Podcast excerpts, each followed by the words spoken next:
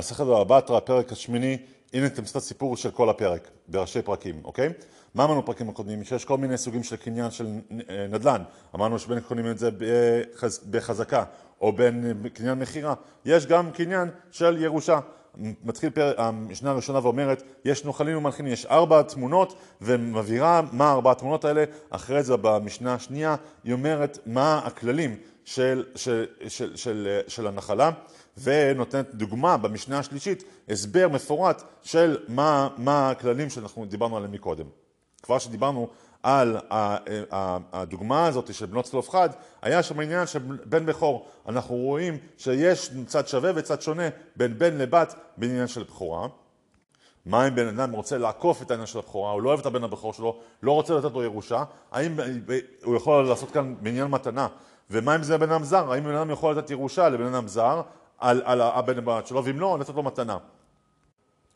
האומר איש פלוני בני בכורי, זה היה, ואחרי זה אמרנו, האומר איש פלוני, סתם זר, יירשני. במשנה ו' ראינו שהבן אדם הוא מספיק לומר, את, יש לו שכיב מרע, הוא עומד למות, עכשיו רוצה להגיד, זה בני, הוא נאמן, אבל, ומה נפקא מינות של זה? מה אם הוא לא הספיק? ומי שמת ונמצאת יד קשורה על ירחו, מה היו הדינים אז? מה אם הוא רוצה לתת את הנכסים לבן שלו ועדיין רוצה לאכול מהפירות? מה יהיו הזכויות של הבן והאבא בנכסים? זה בן אדם חכם שעכשיו רוצה לכתוב והוא מניח בנים גדולים וקטנים, מה קורה עם העיזבון, איך הבנים הגדולים והקטנים מתחלקים מהעיזבון, וכן בנות, איך הן מתחלקות בעיזבון. הניח בנות גדולות וקטנות. זו הייתה התמצית, עכשיו נעבור לכל הפרק. מסכת בבא בתרא, הפרק השמיני, יש נוחלין, נבהיר שנוכל, מי שנוכל הצלחה הוא מקבל את ההצלחה, הוא מנחיל, הוא מנחיל את ההצלחה, הוא מעניק את זה למישהו אחר. מסכם את המשנה, את, את העקרונות במש, במשנה השנייה.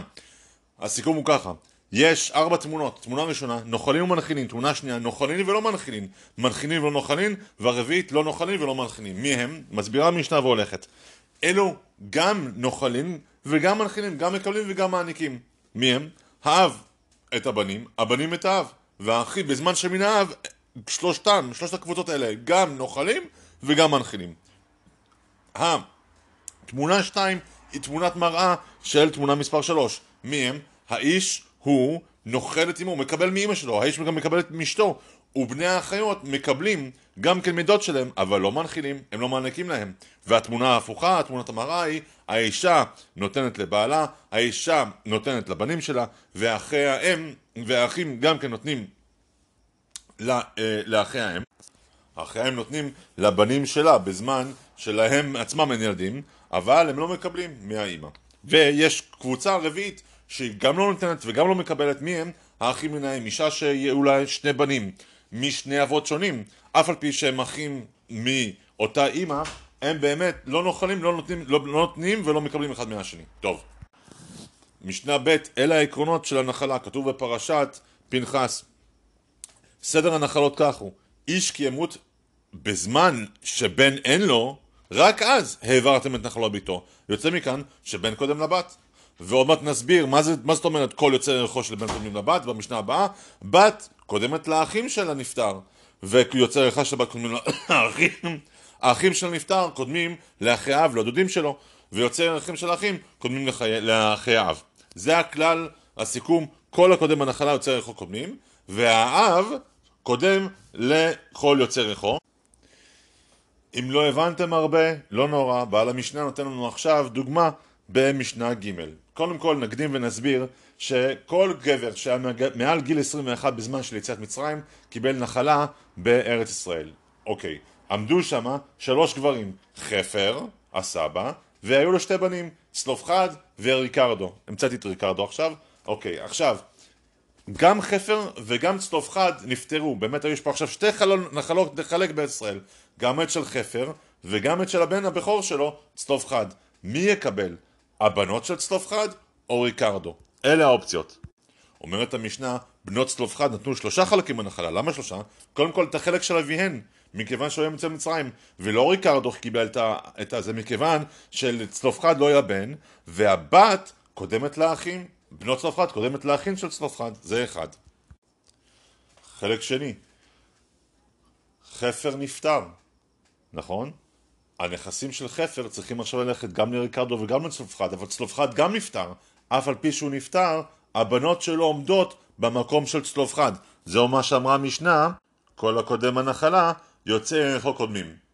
ומכיוון שצלופחד בעצמו היה בכור, אז הוא היה זכאי לשני חלקים מארץ ישראל, ולכן הם קיבלו שלוש. טוב, נסביר בקצרה מה זאת אומרת והאב קודם לכל יוצר ערכו, זאת אומרת שאם לצלופחד לא היו ילדים, אז לפני שהאחים של חפר היו מקבלים נכסים, הנחלה של צלופחד הייתה הולכת לאבא שלו של חפר, ומשם הייתה מתחלקת ליוצר ערכו של חפר.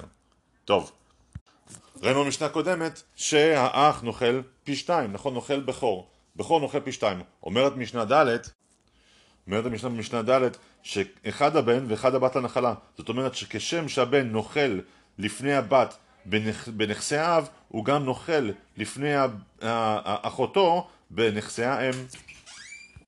אבל הבן נוטל פי שניים רק בנכסי האב, אבל לא פי שניים בנכסי האם.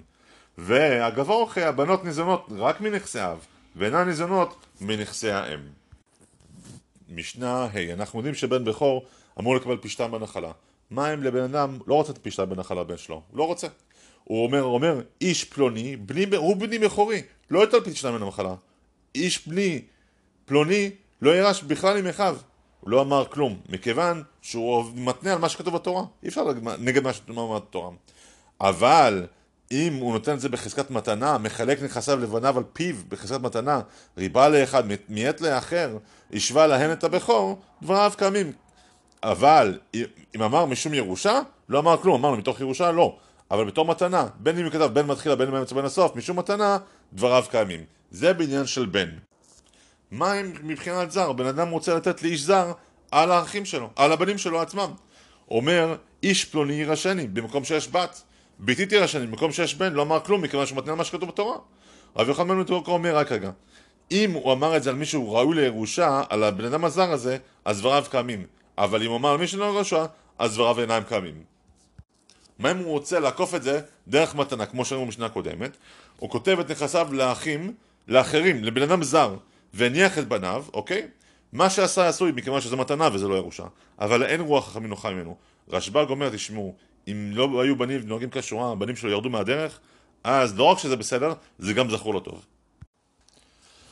בן אדם שיכול להיות שנמצא לארץ דווי, יכול להיות שלא, על כל מקרה הוא אומר, זה בני, אומרת התורה, שבן אדם נעמד להגיד על מישהו שאחד שהוא הבן שלו, ולכן הוא נפטר, הבן הזה יירש אותו. אבל מה שאין כן עם אח, מי שאומר על בן אדם, זה אחי, הוא לא נאמן, והאח הזה לא יירש אותו במקרה של עצמו אין ילדים. אבל יש דברים שהוא, יש דברים שבזמן שאומר שזה אחיו, שיש להם אפקט, כן? מה האפקט הוא ככה? א', נוטל עמו בחלקו.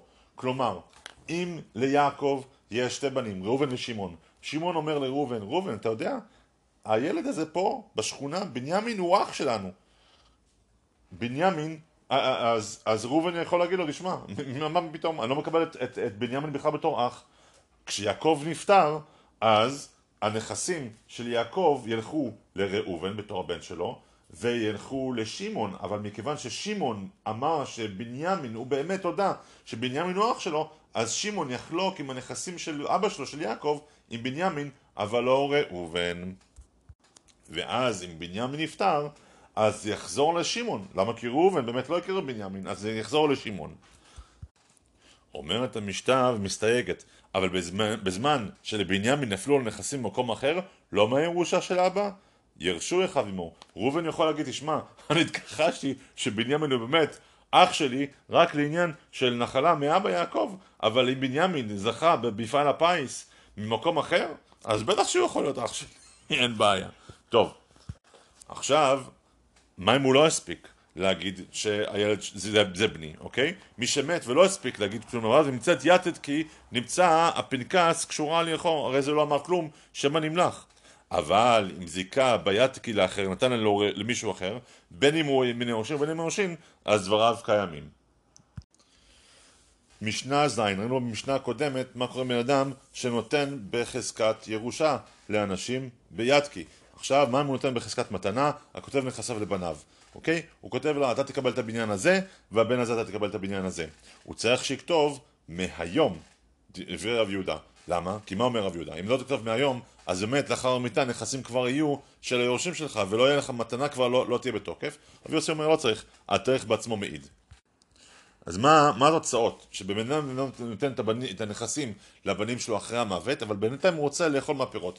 מה התוצאות? האב לא יכול למכור את הנכסים מפני שהם כבר כתובים לבן, והבנים לא יכולים גם למכור את הנכסים מפני שהם ברשות האב. לא יכולים למכור מפני שהם ברשות האב, that's, that's right. מכיוון שהאבא עדיין יכול לאכול מהפירות של זה, אז לבן אין, אין שליטה מוחלטת, ב, ב, אין קניין מוחלט בבניין. מחר האב, מה הוא מכר באמת? מכרון הפירות עד שימות. מחר הבן, אין לוקח בהן כלום עד שימות האב. זה ההסבר שהסברתי מקודם. טוב, האב תולש את הפירות ומאכיל מי שהוא רוצה. אבל מה שניח תלוש אחרי המיטה, הרי הוא של היורשים. והמחובר, כמו שאנחנו כבר יודעים, הולך עם הקרקע. אוקיי, מה דיברנו במשנה הקודמת על אבא שהיה חכם וכתב את הנכסים שלו לבנים שלו במסכת מתנה? מה אם אבא לא כתב? אין לו שום צבא ועכשיו נפטר והניח עיזבון. והניח עיזבון וגם כן בנים גדולים וקטנים. הגדולים שיש להם עכשיו, הם צריכים חליפות, שלוש חלקים, והם אנשים מכובדים, לא יכולים ללכת לקנות חליפות מהעיזבון, ועל הקטנים, כי הקטנים הם צריכים רק משהו ממש פשוט, כן? והקטנים גם כן, מהצד השני, לא נזרים גדולים, קטנים שיש להם צרכים של אוכל יותר גדולים מצרכים של הגדולים, אלא חולקים שווה בשווה. עכשיו, הגדולים עכשיו, נגיד שיש גדול אחד, ראובן, והוא מתחתן בדיוק עכשיו, הוא לוקח 30 אלף דולר מהעיזבון, עכשיו אומר לו אומר לו בנימין, נכון? רגע, רגע, לפני שאנחנו מחלקים את, את שאר את יתרת העיזבון, אני גם רוצה שתשימו את החלק שלי של החתונה בצד, ואז נחלק את העיזבון. לנו מסנסות גדולים מסוג קטנים. אבל אם אמרו הקטנים, הרי אנחנו עושים כדי שנעשה אתם, אם, אם האבא, אם ראובן התחתן לפני שאבא נפטר, כן? ואבא שילם לחתונה של זה. עכשיו, בנימין לא יכול להגיד לראובן, היי, בנימין, אה, ראובן, כשהתחתנת לפני שאבא נפטר, ככה תשמעו לו חתונה שלי? לא. לא שומעים להם, אלא מה שנתן להם מאביהם, נתן. כמו כן עם בנות, מי שהניח בנות גדולות וקטנות ואין לו, לא, לא כתב שום צוואה, אין גדולות מתפרסמות קטנות ולא קטנות נזונות קטנות, אלא חוקרות שבשווה, נעשו גדולות אצלו קטנות, ואם אמרו קטנות, נראה לנו נעשו קטנות נעשו נתן, לא שומעים להם. אבל יש חומר בנות מבנים, למה? שהבנות ניזונות מהבנים, נכון? אבל אינן ניזונות מהבנות. אם בן אדם השאיר רק בנות, אז הקטנות לא ניזונות מה, מהבנות האחרות. ההסבר המלא בפרק הבא, בפרק התשיעי. חזק וברוך.